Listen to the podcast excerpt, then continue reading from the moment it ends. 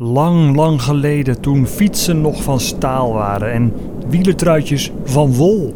Toen bestond dit mooie radioprogramma ook al. De Tour van 1994 is voor Nederland geen fluit aan. Drievoudig toerwinnaar Miguel Indurain overheerst. Hij komt aan de leiding nog voor het peloton de eerste bergen ingaat. De gele trui is voor Miguel Indurain. Vandaag hier in Bergerac. Zoals hij vandaag reed op die tijdrit denk ik dat hij hem nog heel lang om zijn schouders houdt. Miguel Indurain. Gelukkig hebben we in Radio Tour de France de publieke tribune. Dit is een gratis nummer 0633 Heeft u ook gebeld? Daarin beoordeelt Felix Meurders vandaag met een bijzonder jurylid gedichten over de aankomende tourwinnaar. Ab Kaashoek kijkt toe of alles goed verloopt. Meneer Kaashoek, een moeilijke taak lijkt mij. Ja, ik dacht dat het uh, beste meneer Meurders, uh, of mag ik weer Felix zeggen, zoals gisteren, nou, we dachten. Uh, de jury is er nog niet uit!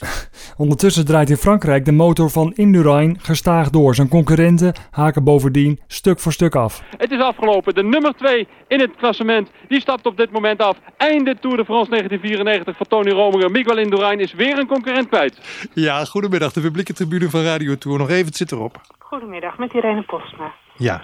Um, ik heb een gedichtje gemaakt. Zonder u, meneer Indurain, ging het geel van schouder naar schouder.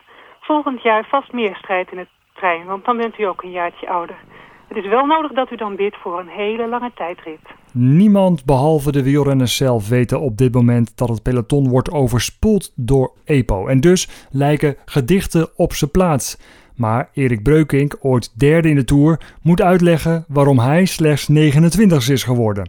En dan klinkt er geen gedicht, maar een klaagzang. Nou, ik voel me wel goed, maar ik heb gewoon uh, geen kracht voor, uh, voor mee te spelen met, uh, met dit geweld. Breukink voelt zich goed, maar verliest een uur op Indurain. Gert-Jan Teunissen is bezig aan zijn laatste tour. Hij hoopt aan te vallen, maar het lukt niet. Nee, maar ik, daar zou, kan ik gewoon echt niet meespringen.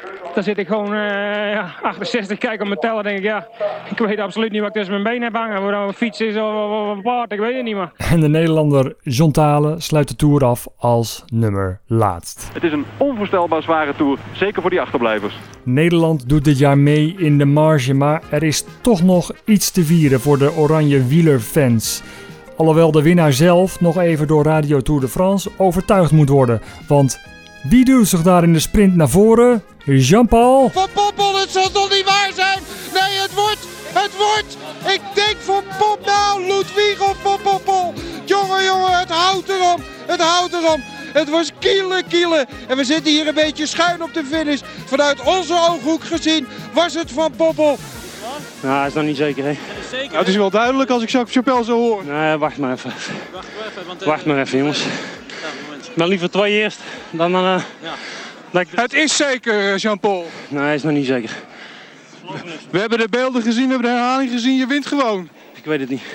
Nou ja, wij weten het zeker dan jij. Gek, je hebt het niet gezien? Ja, wacht nou maar even, Jeroen. Laat maar even afwachten. Oké, okay, dat doen we dan. We hebben nog geen officiële uitslag in beeld gehad. Ja, nu wel. Voor Poppel. Het is officieel. Voor Poppel. Jean-Paul. Zeker? Zeker? Jean-Paul, het is zeker. Godvergiew zeg. Hoe is het mogelijk? Radio Tour de France.